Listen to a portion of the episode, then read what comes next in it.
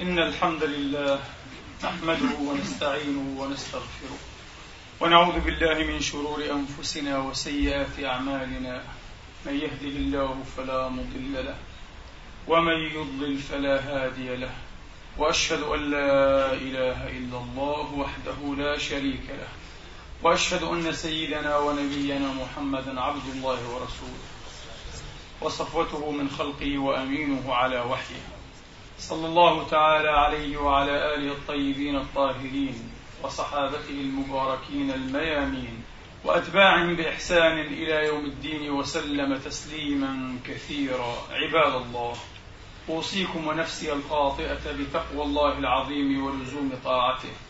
كما أحذركم وأحذر نفسي من عصيانه سبحانه ومخالفة أمره. لقوله سبحانه من قائل من عمل صالحا فلنفسه ومن أساء فعليها وما ربك بظلام للعبيد. ثم أما بعد أيها الإخوة المسلمون الأحباب أيتها الأخوات المسلمات الفاضلات. يقول الحق سبحانه وتعالى في كتابه الكريم بعد أن أعوذ بالله من الشيطان الرجيم. بسم الله الرحمن الرحيم. الله يصطفي من الملائكة رسلا ومن الناس. إن الله سميع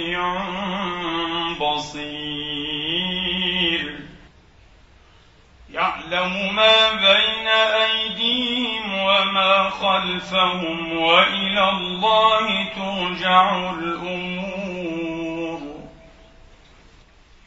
يا أيها الذين آمنوا اركعوا واسجدوا واعبدوا ربكم وافعلوا الخير لعلكم تفلحون. اركعوا واسجدوا واعبدوا ربكم وافعلوا الخير لعلكم تفلحون. وجاهدوا في الله حق جهاده هو اجتباكم وما جعل عليكم في الدين من حرج. ملة أبيكم إبراهيم هو سماكم المسلمين من قبل وفي هذا وفي هذا ليكون الرسول شهيدا عليكم وتكونوا شهداء وتكونوا شهداء على الناس. فأقيموا الصلاة وآتوا الزكاة. واعتصموا بالله هو مولاكم.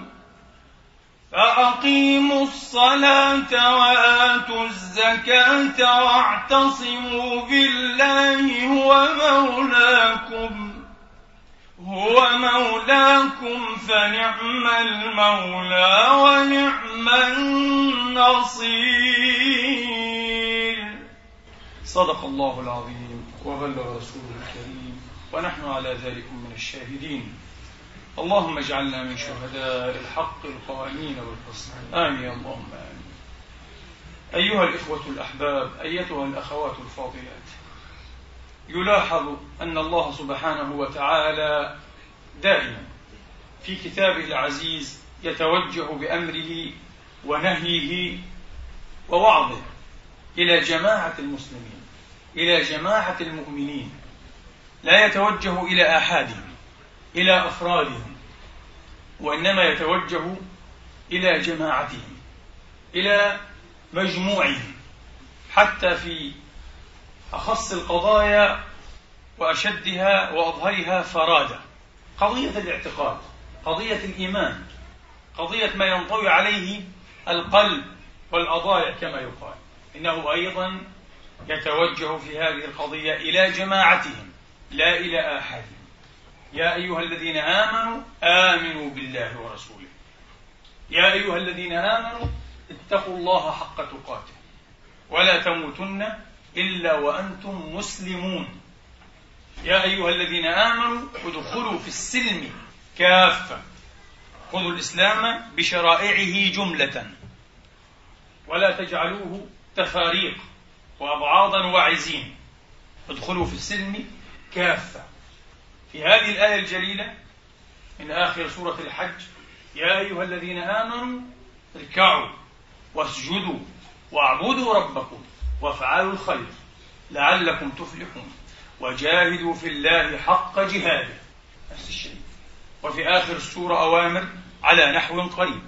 فأقيموا الصلاة وآتوا الزكاة واعتصموا بالله هو مولاكم.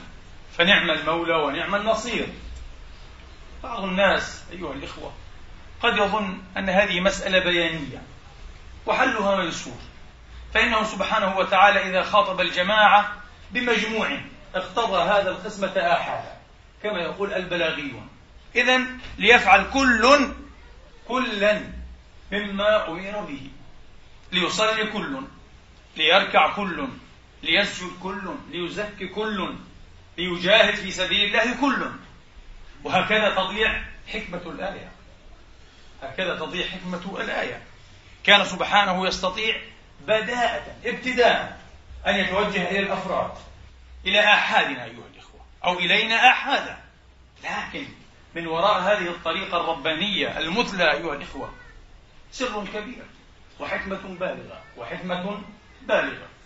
هذا الدين أيها الإخوة يقوم ضمن ما يقوم عليه. على مبدأ وعقيدة أن الخلاص الفردي مستحيل. في إسلامنا طلب الخلاص الفردي مستحيل. لا يمكن أن تنجو وأنت لم تسعى في إنجاء غيرك. لا يمكن أن تعد عند الله مهتديا تقيا صالحا وليا مقبولا مبرورا وأنت لم تساهم في دعم هذه المعاني. وهذه المسالك في المجتمع في الآخرين مستحيل. والقضية أكثر تعقيدا مما قد تبدو عليه وتظهر أيها الإخوة والأخوات. قلنا غير مرة إن في كتاب الله آيات ظاهرها عجيب أيها الإخوة. وقد حصل أيضا إهدار حكمتها ودلالتها بطريقة الاعتماد على بعض القواعد الصناعية البيانية. وضاعت الحكمة وأهدرت الأسرار. في كتاب الله نحو قوله سبحانه وتعالى يوم ندعو كل أناس بإيمانهم فمن أوتي كتابه بيمينه فأولئك يقرؤون كتابهم ولا يظلمون فتيلا. من سورة الإسراء بني إسرائيل. في كتاب الله نعم وترى كل أمة جاثية كل أمة تدعى إلى كتابها. اليوم تجزون ما كنتم تعملون. هذا كتابنا ينطق عليكم بالحق. إنا كنا نستنسخ ما كنتم تعملون. وأشباه ونظائر هاتين. في آية الإسراء أقوال ثلاثة. في تفسير المراد أعني بإمامهم. يوم ندعو كل أناس بإمامهم. قال فريق من العلماء المراد بالإمام هنا هو الذي كان يؤتم به ويقتدى. أي النبي. كل أمة تدعى أيها الإخوة بنبيها وهذا يروى عن مجاهد وعن قتادة رضي الله تعالى عنهما وهو الذي رجحه ابن كثير ولسنا نطمئن إليه.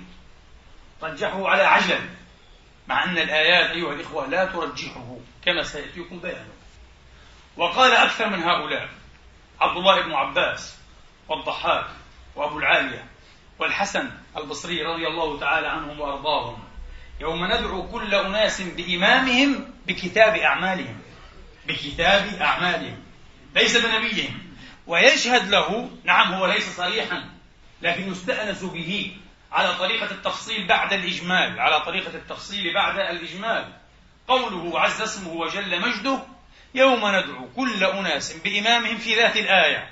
آه في الآية ذاتها. فمن أوتي كتابه بيمينه. انها تتعلق بالكتاب إذا الإمام هو الكتاب. أين المهرب من آية الجاثية؟ أين المهرب من آية الجاثية؟ كل أمة تدعى إلى كتابها. يوم ندعو كل أناس يعني كل أمة كل جماعة بإمامهم. هل هذا الإمام هو النبي أو الكتاب؟ لا هو الكتاب لأن الله قال كل أمة تدعى إلى كتابها. اليوم تجزون ما كنتم تعملون. هذا كتابنا ينطق عليكم بالحق. إنا كنا نستنسخ ما كنتم تعملون. طيب. إلى الآن القضية أيها الإخوة ليس فيها جديد. ما الجديد الذي نريد له أن يقال أو يذكر أيها الإخوة؟ نعم كل إنسان يدعى إلى كتابه. لا الجديد أنه تحدث عن أن الأمة في مجموعها لها كتاب. كل منا له كتاب. نسأل الله أن ييمن كتابنا وأن ييسر حسابنا وأن يبيض غررنا ووجوهنا. اللهم آمين. هذا مفهوم. وكل إنسان ألزمناه طائره في عنقه ونخرج له يوم القيامة كتابا يلقاه منشورا اقرأ كتابك. لكن ما في هاتين الآيتين أيها الإخوة؟ أن الأمة في مجموعها لها كتاب. يوم ندعو كل أناس كل جماعة من الناس بإمامهم. ولا يجوز أن تفسر الأمة أيها الإخوة بنحو ما هو شائع الآن. في ثقافتها الإسلامية بالأمة الإسلامية في مجموعها. هذا غير صحيح. الأمة هي الجماعة من الناس. الأمة هي نحن الآن أمة من الناس. الجيل من المسلمين في بلد معين أمة من الناس. أو في عصر معين أمة. وهكذا في كل جيل وفي كل سقع وفي كل عصر ومصر أمم من الناس. أيها قد يختلفون قد يجتمعون. تجمعهم العقائد تفرقهم المصالح. كما تفرقهم أيضا العقائد والآراء والمذاهب والملل. إلى آخره. على كل. إذا كل أمة تدعى إلى كتابها. كل أمة تدعى إلى كتابها. هذا كتابنا ينطق عليكم بالحق. شيء غريب. إذا هناك كما قلنا غير مرة أيها الإخوة وإن بدا جديدا حساب مجموعي لكل جيل من الناس. انتبه. ستحاسب فرديا؟ لا مناص الحساب فردي. كما سنحاسب أيضا في دورة أخرى حسابا مجموعيا. لماذا؟ هذا عدل. وهذا منطق وهذا عقل. لأن من الأعمال أيها الإخوة ما لا تستقل به طاقة فرد. من الأعمال ما لا يستطيعه وإن جعله وكده. أيها الإخوة واستفرغ فيه جهده. ما لا يستطيعه فرد من الأفراد. مستحيل. هل يستطيع الآن فرد مثلا؟ أن يحرر فلسطين؟ أو أن يرد العراق؟ أو أن يعيد للمسلمين مجدهم؟ وأن يعيد لهم حضارتهم ليقتعدوا مكانتهم اللائقة بهم؟ تحت الشمس كما يقال. مستحيل. لا يستطيع فرد هذا. هل يستطيع فرد أن يصلح الناس؟ أن يغير الأوضاع؟ يستحيل. هذا ما لا تستقل به أيها الإخوة إلا جهود الأمم الجماعات من الناس تظفر أو يظفر بعضها مع بعض. لابد من صيغة إيه؟ مجموعية في العمل. صيغة مجموعية في الانبعاث في النشاط في الاجتهاد في الإنجاز في الإنتاج. طبعا. والأمم لا تتقدم بجهود الأفراد فقط. بالعكس جهود الأفراد مهما كانت نبيلة وعظيمة تبقى الأقل على عكس أصحاب نظريات البطولة المقدسين للأفضال أيها الإخوة والذين يظنون أن الأمم تدين لأفراد فقط. لا. ليس لأفراد بالعكس. منطق الدين يؤكد أن الأمم تدين للجماعات أكثر من دينها للأفراد. والنبي هو القائل هو القائل ثم نوديت أسلمت وأسلموا وآمنت وآمنوا وهاجرت وهاجروا قال حتى لم أرى لنفسي فضلا على أحدكم إلا بالنبوة الله يقول هو كذا. أنت نصرت بهم. أنت عززت بهم. لذلك بعد قسمة الأسلاب أيها الإخوة والغنائم في حنين وقد وجد بعض الأنصار خاصة الشباب الحدث أسنانهم الصغيرة أعمارهم في أنفسهم شيئا فتكلموا فقالوا يغفر الله لرسول الله يعطيهم يعطي هؤلاء. ويدعنا وسيوفنا تخطر من دمائهم. فسمع النبي المقال نميت إليه فجمعهم في قبة من أدم ولم يأذن لأحد من غير الأنصار أن يكون فيها. ثم قال لهم يا معشر الأنصار يا معشر الأنصار ألم آتكم وأنتم ضلال فهداكم الله بي؟ قالوا بلى يا رسول الله لله الفضل والمن. ألم آتكم وأنتم قلة فكثركم الله بي؟ قالوا بلى. وأنتم عالة فأغناكم الله بي. قالوا بلى لله الفضل والمن يا رسول الله. ثم انعطف وانبرى وغير وجهة حديثه صلى الله عليه وسلم ليقول أما لو شئتم معشر الأنصار لقلتم أتيتنا مهاجرا فآويناك. أتيتنا مهاجرا فآويناك. وأتيتنا فقيرا فأغنيناك. وأتيتنا ضعيفا فنصرناك. لقلتم ولا صدقتم. فبكوا وقالوا لله الفضل والمن. الله أمن وأفضل ورسوله. قال هذا صدق أيضا. حق. أنتم الذين نصرتموني. أنا بغيركم. ما عساني أساوي. وأنا رسول الله. ما عساني. رسول الله بهؤلاء الذين نصروه. بهؤلاء الذين عزروه. ووقروه. واتبعوا النور الذي أنزل معه ليكونوا وكانوا من المفلحين رضي الله تعالى عنهم وأرضاهم. هذا هو المنطق الصحيح المنطق العملي الذي تصدقه شواهد التاريخ. الذي تصدقه شواهد التاريخ. الفرد وحده أيها الإخوة بلا أمة بلا جماعة تقوم بحقه بحق دعوته ومبدئه وعلمه وفضله ومسلكه يعيش ويموت ولا يفعل شيئا. يموت مكانه. أبدا. تقبر دعوته. كالذي قال الشافعي في فقه الإمام الليث بن سعد قال الليث أفقه من مالك لكن من الآن يسمع بالليث بن سعد فقط طلاب العلم. العالمون يسمعون بالإمام مالك أحد الأئمة الأربعة. مالك وأبو حنيفة والشافعي وحنبل. آه. لكن من يسمع بأبي جعفر الليث بن سعد إمام أهل مصر ضاع هذا الرجل. قال الليث أفقه من مالك إلا أن أصحابه لم يقوموا به. ذهب العلم. لم تقم جماعة بهذا العلم بهذا الفضل. هذا هو المنطق الصحيح. ولذلك أيها الإخوة سيحاسب المرء يوم القيامة في دورتين. في دورة فردية على ما يمكن أن يستقل به من عمل سيحاسب عليه. يعني أنت تستطيع أن تصلي وحدك. صحيح. لكن لا تستطيع أن تصلي جماعة إلا في جماعة. صحيح. على من قال إن جماعة المسجد واجبة. أيها الإخوة سنحاسب أيضا على هذه الصلاة. على صلاة الجماعة مثلا. تستطيع أن تصلي وأن تصوم وحدك. لكن لا تستطيع أن تجاهد وحدك تجاهد العدو. جيش الكفار مثلا وحدك مستحيل ما في واحد يجاهد جيشا. جيش يجاهد جيشا. ها؟ جماعة تناضل جماعة. وهكذا. ولذلك سنحاسب في دورة ثانية على ما لا يستقل به واحدنا. الفرد منا؟ على ما لا يستقل به من العمل أو من الأعمال. وسيكون الحساب مجموعيا. في هذا الإطار أيها الإخوة وددت أو أود أن أفسر جماعة حديث أو جمهرة أحاديث أو جملة أحاديث وردت عن رسول الله صلى الله عليه وآله وأصحابه وسلم قد يساء تفسيرها. وقد يظن بعض الناس أن فيها ما لا يعقل. شيء غير مفهوم وغير معقول.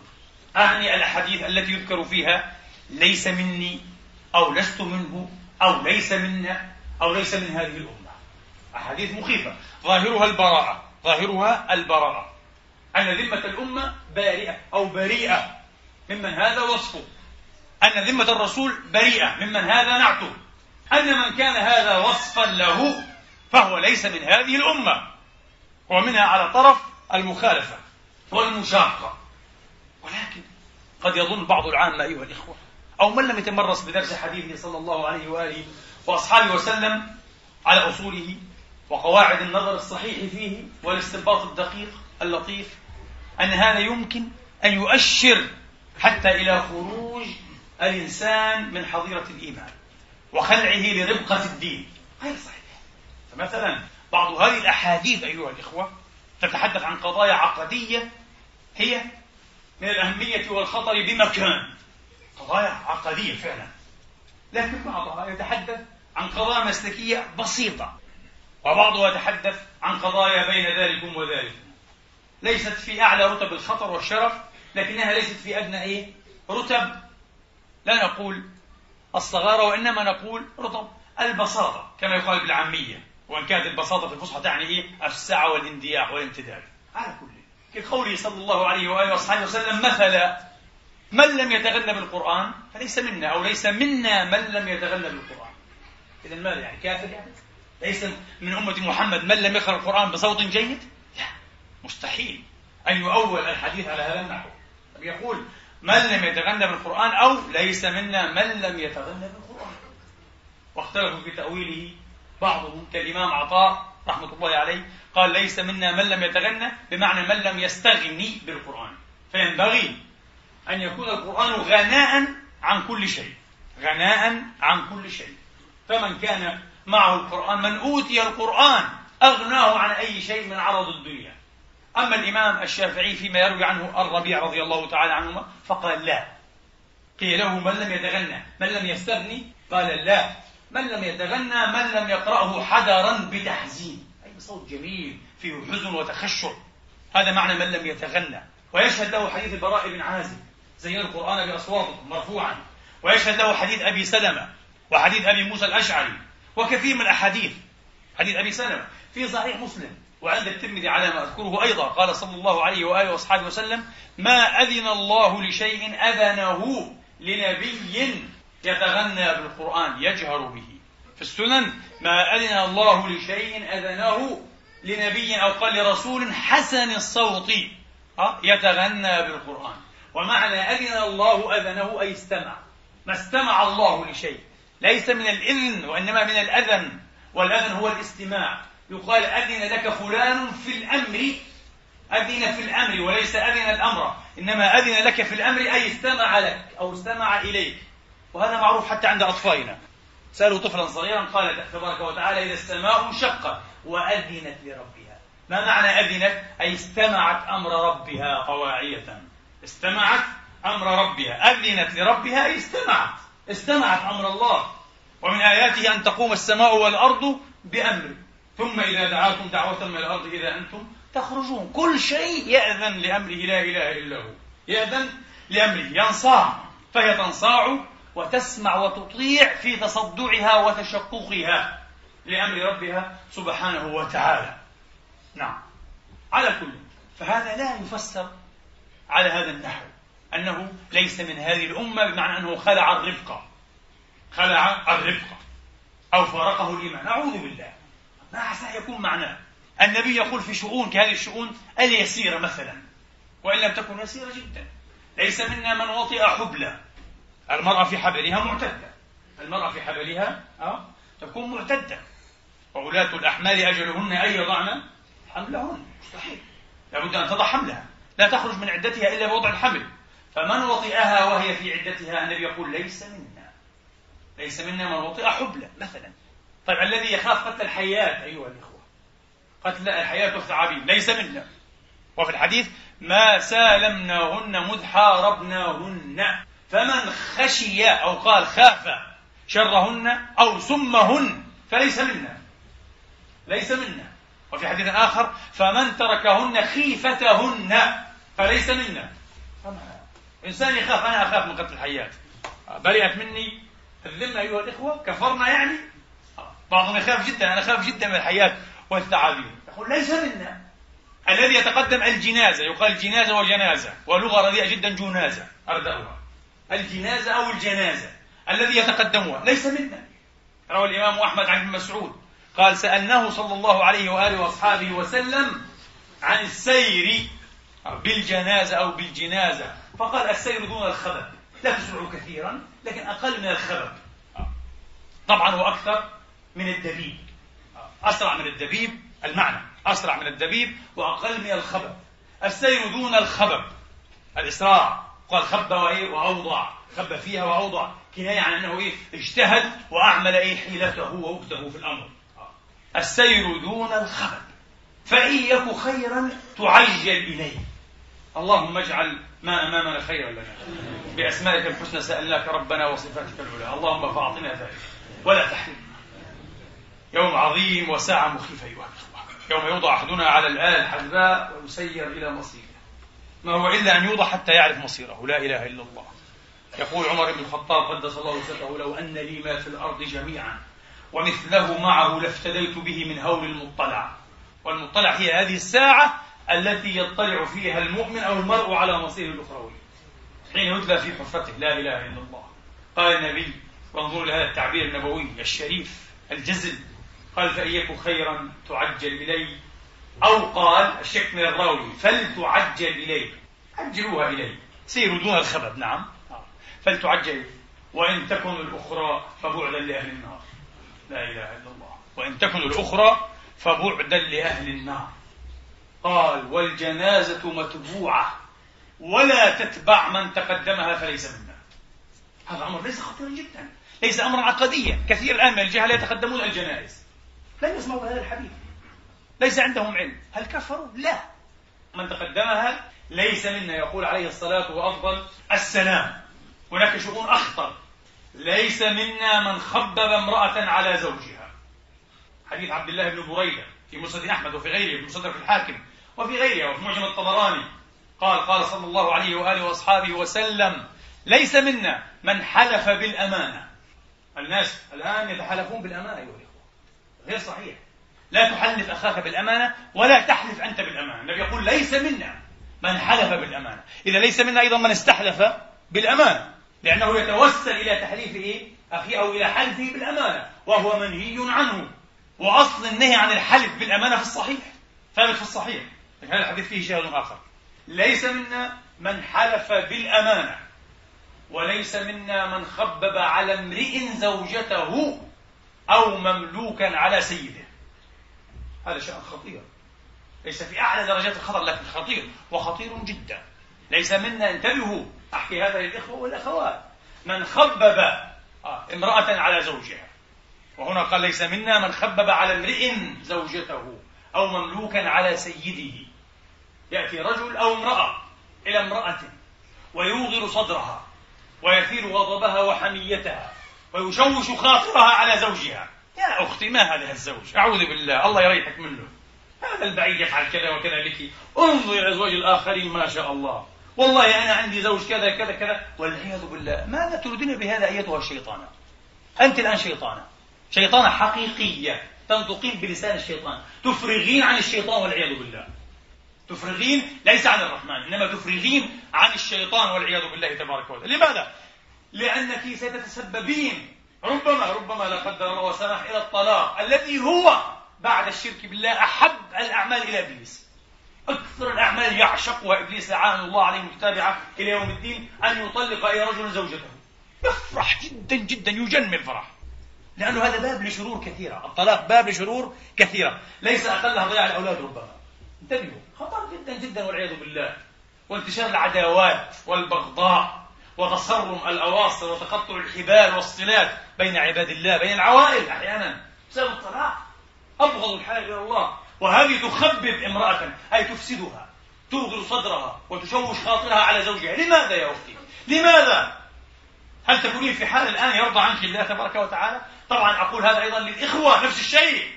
لا تخبب امرأة على زوجها. في حديث آخر أو خبب رجلا على امرأته نفس الشيء. تأتي. يا أخي والله ما شاء الله أنت ألف من تتمناك. ست ستها تتمناك. والله أنت أجمل منها. نحن لا ندري كيف أخذتها. ما الذي أعجبك فيها؟ يقول يا أخي ولكن هي زوجتي وأم أبناء يا سيدي. أمهات الأبناء كثير يعني. وأنت الآن ما شاء الله يعني. أه؟ كما يقال شم أي ريحه أه؟ عندك ما شاء الله سعة وبسطة في المال. ما تريد من هذه العجوز الغابرة.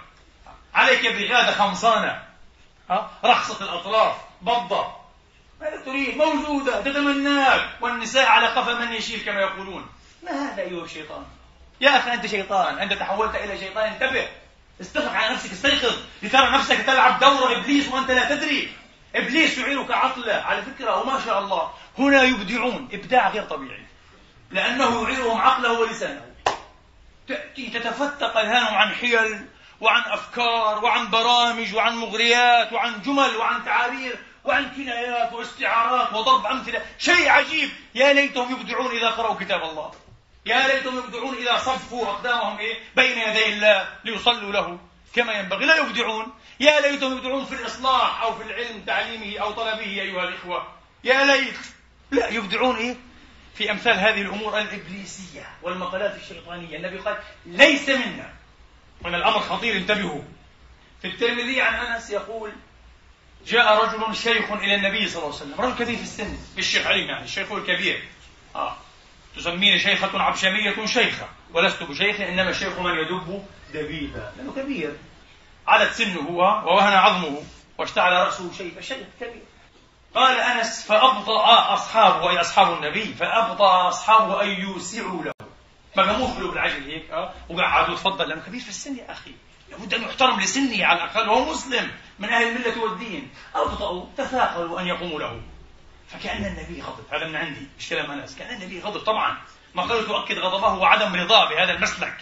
هذا المسلك لا يمثل أصحابي يقول لا يمثل أمتي لا يمثل هذه الأمة المحترمة. الأمة محترمة عندها قيم. فقال ليس منا من لم يرحم صغيرنا ويوقر كبيرنا. لما لم تقوموا له؟ المعنى لما؟ هو لو قال لما لم تقوموا له؟ لكانت أيها الإخوة أخف وأيسر. وقعا على نفوسهم. لكنه شدد فقال ليس منا. تشديد هذا. أشد بكثير مما لو قال لما لم تقوموا؟ هل لا قمتم له؟ ها؟ ارحموا ترحموا. لم يقل هذا. قال ليس منا. كأنه يقول إذا اجهدوا بعد ذلك واعملوا. يعني أعمالكم فارغ وكلام فارغ. أنتم أصحابي تصلون تجاهدون تحجون وليس عندكم أدب ليس عندكم توقير الكبار لذوي الأسنان منكم؟ لذوي الأسنان ذوي الأسنان الله يوقرهم أيها الإخوة. ما رأيكم؟ إن الله يستحيي أن يعذب شيبة شابت في الإسلام. الله يستحي. لذلك احترموا الكبار. وقروا ذوي الأسنان خاصة الذين نشأوا وأسنوا أيها الإخوة في طاعة الله تبارك وتعالى. على أسنانهم في بيوت الله في محاريب الله مع صحائف كتاب الله. هؤلاء يحترمون. هؤلاء تلتمس بركاتهم وتطلب وتنتجع دعواتهم أيها الإخوة وتطلب حكمتهم وسداد رأيهم. بلا شك الله يستحيي أن يعذب شيبة شابت في الإسلام. وتلونا عليكم مرة الحديث الذي أخرجه الترمذي وغيره. إذا بلغ العبد خمسين ستين سبعين ثمانين تسعين إذا بلغ تسعين يقال هذا عتيق الله في الأرض هذا الله يوم القيامة لا ينصب له لا حسابا ولا سؤالا. فلان المتفضل على الجنة مباشرة. فنسأل الله أن تطول أعمارنا وتعلو أسناننا في طاعته خيركم من طال عمره وحسن عمله. إن الله إذا أحب عبدا عسله. قالوا ما عسله يا رسول الله؟ قال بسط له في العمر ها؟ وهداه إلى إيه؟ إلى حسن العمل أو كما قال. الله إذا يحب عبدا يعطيه عمرا ويعطيه أعمالا صالحة. اللهم اجعلنا منهم. ها؟ تعسيل. خيركم من طال عمره وحسن عمله. المهم النبي لم يرتضي هذا المسلك النبي هذا المسلك الوبي. وقال ليس منا من لم يرحم صغيرنا ويوقر كبيرنا. ويروى أيها الإخوة ليس منا من لم يرحم صغيرنا ويوقر كبيرنا ويعرف لعالمنا حقه. كما يروى ليس منا من لم يرحم صغيرنا ويعرف لكبيرنا شرفه. كما يروى ليس منا من لم يرحم صغيرنا ويوقر كبيرنا ويأمر بالمعروف وينهى عن المنكر. ليس منا. ليس منا من ترك الأمر بالمعروف والنهي عن المنكر. بالذات هذه الصفة يشهد لها كتاب الله. كيف؟ كنتم خير أمة. ليس منا من هذه الأمة إذا كنتم خير أمة أخرجت للناس. أول خصلة. وقدمها على الإيمان كأنها شارة على الإيمان. كأنها علم دال على الإيمان. أيها الإخوة كأنها علم دال على الإيمان. فقال تأمرون بالمعروف وتنهون عن المنكر وتؤمنون بالله. من ترك الأمر بالمعروف والنهي عن المنكر حتى في أمثال هذه الشؤون حتى في أمثال هذه الشؤون أيها والأمور أن تجد رجلا يخبب رجل على امرأته عليك أن تنهاه عن هذا المنكر وأن تأمره بضده الذي تعرف من المعروف. رأيت رجلا لا يحترم الكبار يجلس يضع رجلا على رجل هكذا في وجه شيخ كبير قلة أدب. يفعله الغربيون قلة أدب. ليسوا حجة علينا وليسوا قدوة لنا وأسرا قلة أدب. الكبير كل ما يكسر خاطره ينبغي أن نتحاشاه ينبغي أن يشعر الكبير أنه يعامل معاملة تخصه يعني أضع رجلي مع أصحابي وأندادي وأترابي. إن جاء كبير ها أنزلتها. لكي يشعر أن هذا إيه؟ كان احتراما مني له على الأقل لميزة كبر سنه. الآن أستشعر وأنا حزين جدا أيها الإخوة أن بعضا منا أنفارا منا لا يربون ولا ينشئون أولادهم أبنائهم وبناتهم على احترام هذه القيم. ترى صغيرا مفحوصا كما يقال لا يعرف كيف يعامل كبير قلة أدب يا أخي. هنا حتى في هذا المسجد طفلا صغيرا ينظر في الكبير هكذا لا يذهب إليه يصافحه على خير انظر لماذا؟ أيها الطفل الذي لم يلقى حظه من الأدب. ما علينا أن نعلمه. كلما رأيت كبيرا اهرع إليه وصافحه كيف حالك يا عم؟ أنتم بخير إن شاء الله. بارك وخاطبه بلغة الإجلال. كيف أنتم؟ كيف حالكم؟ كيف حضرتكم؟ هكذا. هذا من الدين. هذا من الدين. ليس منا قال. من لم يوقر علينا أن نتعلم. ومن لم يتعلم توقير الكبار أيها الإخوة. الكبار أسنانا والكبار قدرا. والنبي علمنا أن نوقر الكبار قدرا أكثر من توقيرنا الكبار أسنانا. هناك جملة أحاديث صحيحة في هذا. لذلك أكثر آراء العلماء على أن من أتى مجلسا الأصل أن يبدأ باليمين صحيح؟ الأصل. لكن إذا تساوت الرتب أما إذا كان فيهم من أعلى قدرا منهم أو أعلى سنا فالبداءة به. وعنه أيها الإخوة أه؟ تؤخذ جهة اليمين. بعد ذلك يبدأ. مش تبدأ تبدأ بطفل صغير وتترك إيه؟ شيخا كبيرا أو رجلا فاضلا من أولياء الله أو عالما جليلا. تبدأ بطفل تقول يمين ما أجهلك بالسنة في الصحيحين في البخاري ومسلم. حينما أتي النبي بلبن. أعطاه لأنس لكي يعطيه الأشياء الكبار أو الناس. فبدأ إيه؟ برجل فقال كبر النبي كبر. لا تبدأ مباشرة باليمين. انظر أيهم أكبر قدرا فابدأ به.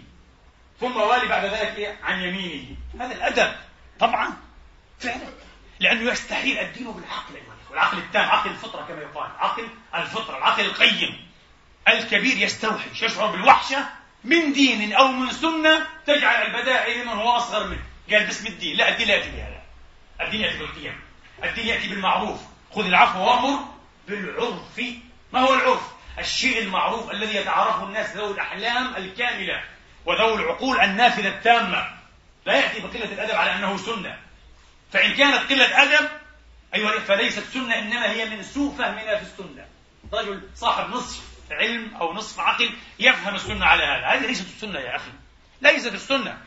إنما هو سوء الفهم في سنة المصطفى.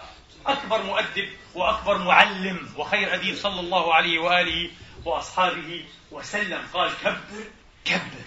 طيب هذا أيضا أيها الإخوة من الموارد التي ورد فيها أمثال هذا اللفظ الكريم. ليس منا. هناك ما هو أخطر. قال يا كعب ابن عجرة. يا كعب رواه ابن حبان. والحديث مخرج في دواوين كثيرة. لكن حديث كعب في الصحيح صحيح ابن حبان. يا كعب ابن عجرة أعيذك من إمرة السفهاء. إنه سيكون بعدي أمراء يعني ظلمة. واضح طبعا من السياق. يعني أمراء ظلمة. سفهاء لقوله سفهاء. أعيذك أي بالله من إمرة السفهاء. إنه سيكون بعدي أمراء فمن دخل عليهم فصدقهم هنا قال على كذبهم. في أحاديث أخرى قال فصدقهم بكذبهم ولعلها أشبه ولعلها أشبه. فصدقهم على كذبهم أو بكذبهم وأعانهم على ظلمهم. فليس مني ولست منه وليس يرد علي الحوض يوم القيامة. وفي حديث آخر ولن يرد علي الحوض يوم القيامة. الشأن خطير جدا الآن لماذا؟ لأن الشأن الآن اشتد أيها الإخوة واحتبك وأصبح يتعلق بماذا؟ بمصالح العموم بمصالح الأمة عامة هذا أمير سلطان والي رئيس ملك آه أيها الإخوة متصرف كبير ظالم كيف تصدقه بكذبه؟ لماذا تحرق له البخاخير؟ لماذا تفرشه السجاد الأحمر؟ أريد هذه كنايات طبعا ها؟ لماذا تفهمه أنه ما خلق قبله ولا بعده مثله وأنه مستودع الحكمة وأنه إذا قال فقد صدق لماذا؟ وأن كل ما يؤتاه وكل ما يأتيه إنما هو عن إلهام رباني وحي سماوي ما شاء الله موفق لماذا؟ لماذا هذا الكذب؟ لماذا تكون ذا وجهين وذا لسانين؟ في قضية خطيرة مثل هذه قال فمن دخل عليهم يعني الدخول وحده ليس محرما بالعكس من باب الأمر معروف والنهي عن المنكر ولكن الآن الدخول وما يعقوبه فمن دخل عليهم فصدقهم على كذبهم. في حديث آخر بكذبهم وأعانهم على ظلمهم فليس مني ولست منه قال وليس يرد علي الحوض يوم القيامة. ومن لم يصدقهم ها على كذبهم أي بكذبهم ولم ينصرهم على ظلمهم فهو مني وأنا من وسيرد علي الحوض يوم القيامة. كما قلنا هذه الخصلة أيها الإخوة وخاصة يتعلق الأمر بأصحاب الأمر بأولياء الأمر يعني. وهي خصلة الأمر بالمعروف والنهي عن المنكر. أكثر خصلة يمكن أن تجعلك محمديا من هذه الأمة الموحدة المسلمة المصطفوية أو تعزلك عنها. تنزع عن رأسك أو تضع إيه؟ عن رأسك تاج شرف الانتماء إلى هذه الأمة. الانتماء إليه شرف كبير أيها الإخوة. أن تكون هذه الأمة شرف كبير. لكن هذا الشرف لا يكون بالدعوة ولا يكون بالزعم ولا يكون بالنية. أحب أن أكون منها. مش على قد إيه؟ خاطرك مش على قد ما تريد. لا. على قد إيه؟ ما شرع الله تبارك وتعالى. يعني وفق ما شرع الله. لا وفق ما تتشهى وتتمنى. كنتم خير أمة أخرجت للناس؟ الآية العجيبة. يروي ابن جرير في تفسيره عن قتادة بن دعامة رضي الله تعالى عنهم وأرضاهم أجمعين. قال كان عمر بن الخطاب رضي الله عنه وأرضاه في حجة حجها. فرأى من الناس رعة فرأى من الناس رعة ما معنى رعة؟ يعني سوء أدب وسوء هيئة. بالدافشوا قلت آه يا فاروق الأمة رضي الله عنه كيف لو بعث حيا ورأى الناس اليوم في الحج؟ الله أكبر. يقتل بعضهم بعضا ويدوس بعضهم بعضا أه؟ ويضرب بعضهم بعضا ويلعن بعضهم بعضا. شيء عجيب. رأينا ما لا يسر الخاطر. ما لا يفرح به أيها الإخوة. لا صاحب ويشمت به إيه؟ كل ناق عدو والعياذ بالله. شيء عجيب. من عمر هذه الأمة. قالوا ذهبوا يحجون. يا ليت يا ليت المضوفين والوعاظ يفهمونهم أن أمثالهم لعلهم لا حج لهم أصلا. بل لعلهم يذهبون ويعودون بأوزار وأثقال من الذنوب. كفاء ما فعلوا مع إيه؟ مع إخوانهم ومع أهليهم ومع أمتهم والعياذ بالله. ما هذا؟ ما هذا الجهل؟ عمر رأى رعة ويبدو أنه سوء أدب يعني إيه؟ وتهاوش بسيط في المشي وكذا. يسير. هذا ما يعطيه لفظ رعة الأمر ليس منتظما.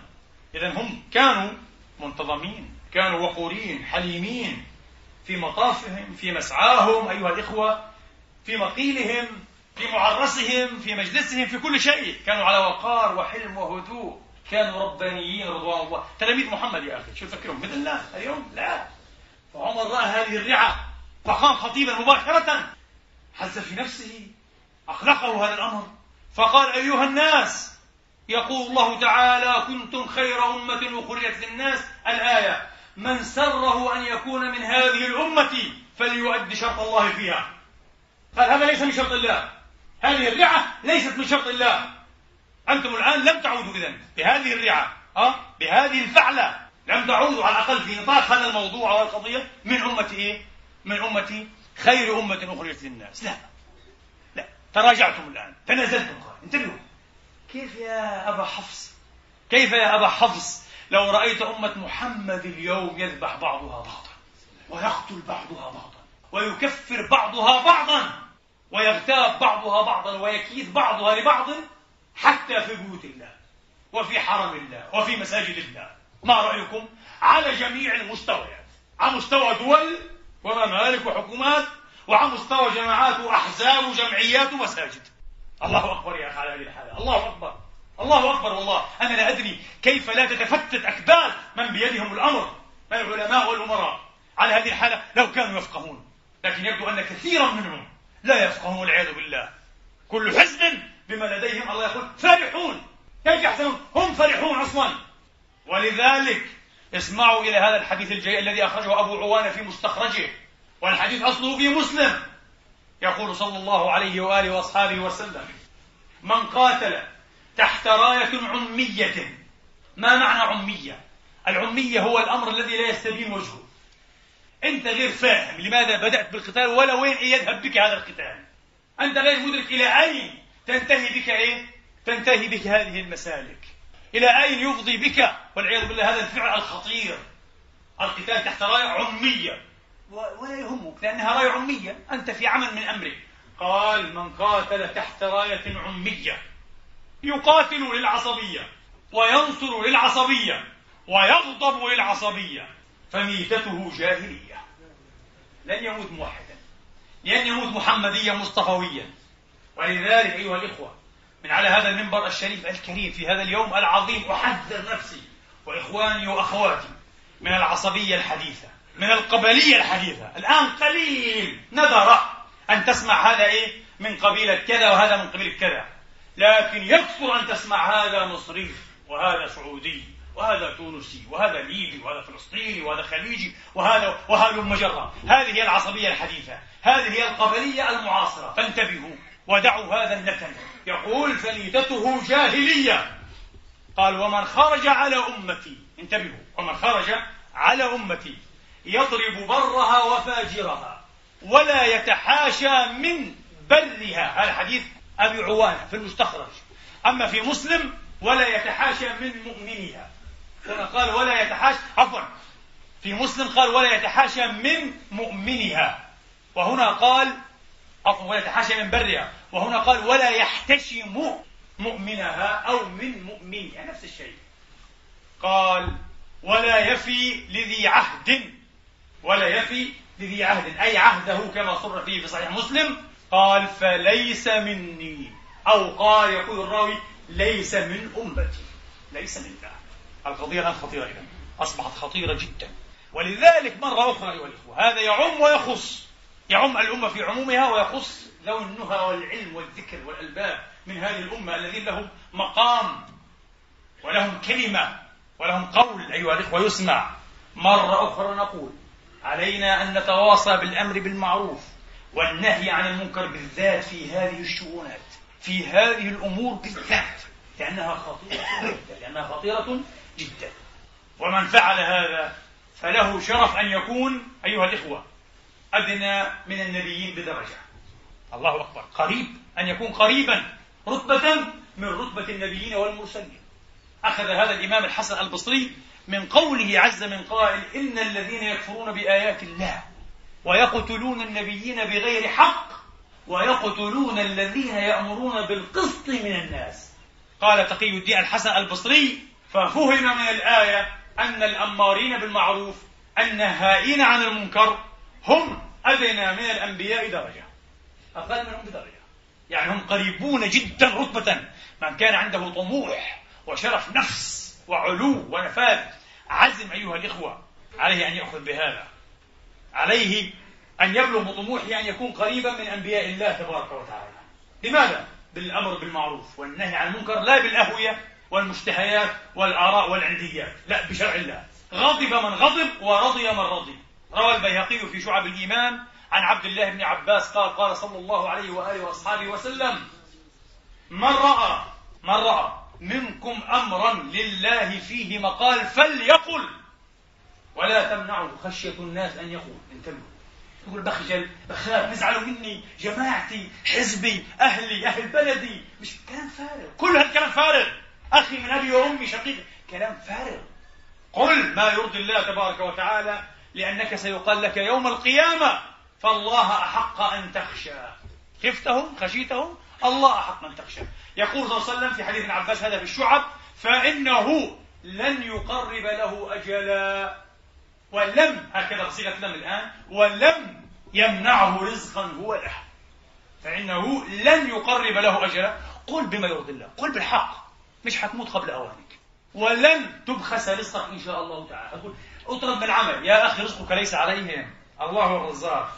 حتى إن لم تقل ستطرد يا مسكين. ها؟ وعليك إيه؟ عليك خسستها وإثمها ولم إيه؟ ولم تظفر برحمتها وأجرها. قل إن شاء الله لن يتأخر الرزق ولن يتقدم إيه بإذن الله تعالى. هذا هو الصحيح. أيها الإخوة للأسف أدركنا الوقت. ما أحببت أن أقوله؟ وبقي إيه؟ في الحديث بقية طويلة. ما أحببت أن أقوله؟ هذه الأحاديث وأشكالها وأضرابها تحمل على هذا المعنى. ما هو؟ النبي صلى الله عليه وسلم حين جاء وحين ابتعث أراد أيها الإخوة ألا يرسي دعائم دين فقط إنما أراد أن يرسخ بناء أمة جماعة من الناس أمة. والأمة لكي تكون أمة أمة ملية دينية متروحنة لابد أن يكون لها طابعها العقدي. كل ما خالف هذا الطابع أو انتقص منه النبي عبر عنه إيه؟ ليس منا لأنه هذا إيه؟ يفسد طابعنا إيه؟ العقدي. لذلك من لم يؤمن مثلا بالقضاء والقدر كما هو في حديث عبادة بن الصمت في أبي داود قال سمعت النبي يقول صلى الله عليه وسلم ليس منا من مات على غير هذا. ليس منا من مات وهو يعتقد أيها الإخوة أن الله لا يعلم كل شيء ولم يقدر ولم يكتب كل شيء. قال ليس منا. طبع عقدي. ليس منا من تطير أو تطير له أو تكهن أو تكهن له أو سحر أو سحر له. ليس منا. الأمة لابد أن يكون لها طابعها العبادي. فمن رغب عن سنتي فليس ليس مني. أحاديث كثيرة تؤكد هذا الطابع العبادي. الأمة لابد أن يكون لها طابعها العلائقي. الممهور بماذا؟ بمهر الرحمة والتآزر والتكاتف والتضافر. هذا هو طبعها العلائقي. ليس منا أيها الإخوة من بات شبعان وجاره إلى جانبه جائع وهو يعلم. ليس منا. أين العلاقات؟ أين الرحمة؟ أين التكافل من أصبح وأمسى ولم يهتم بأمر المسلمين فليس منهم. طلع على أخيه فالحديث بقية لعلنا إن شاء الله نستلقيها إلى خطبة قادمة. أقول قولي هذا وأستغفر الله لي ولكم فاستغفروه فيا فوز المستغفرين.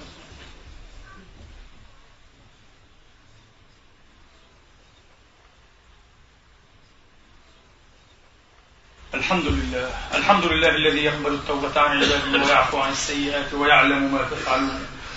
ويستجيب الذين آمنوا وعملوا الصالحات ويزيدهم من فضله والكافرون لهم عذاب شديد. وأشهد أن لا إله إلا الله وحده لا شريك له وأشهد أن سيدنا محمدا عبده ورسوله. صلى الله تعالى عليه وعلى آله وأصحابه وسلم تسليما كثيرا. اللهم إنا نسألك في هذا اليوم الكريم في هذا المقام الكريم ألا تدع لنا ذنبا إلا غفرته.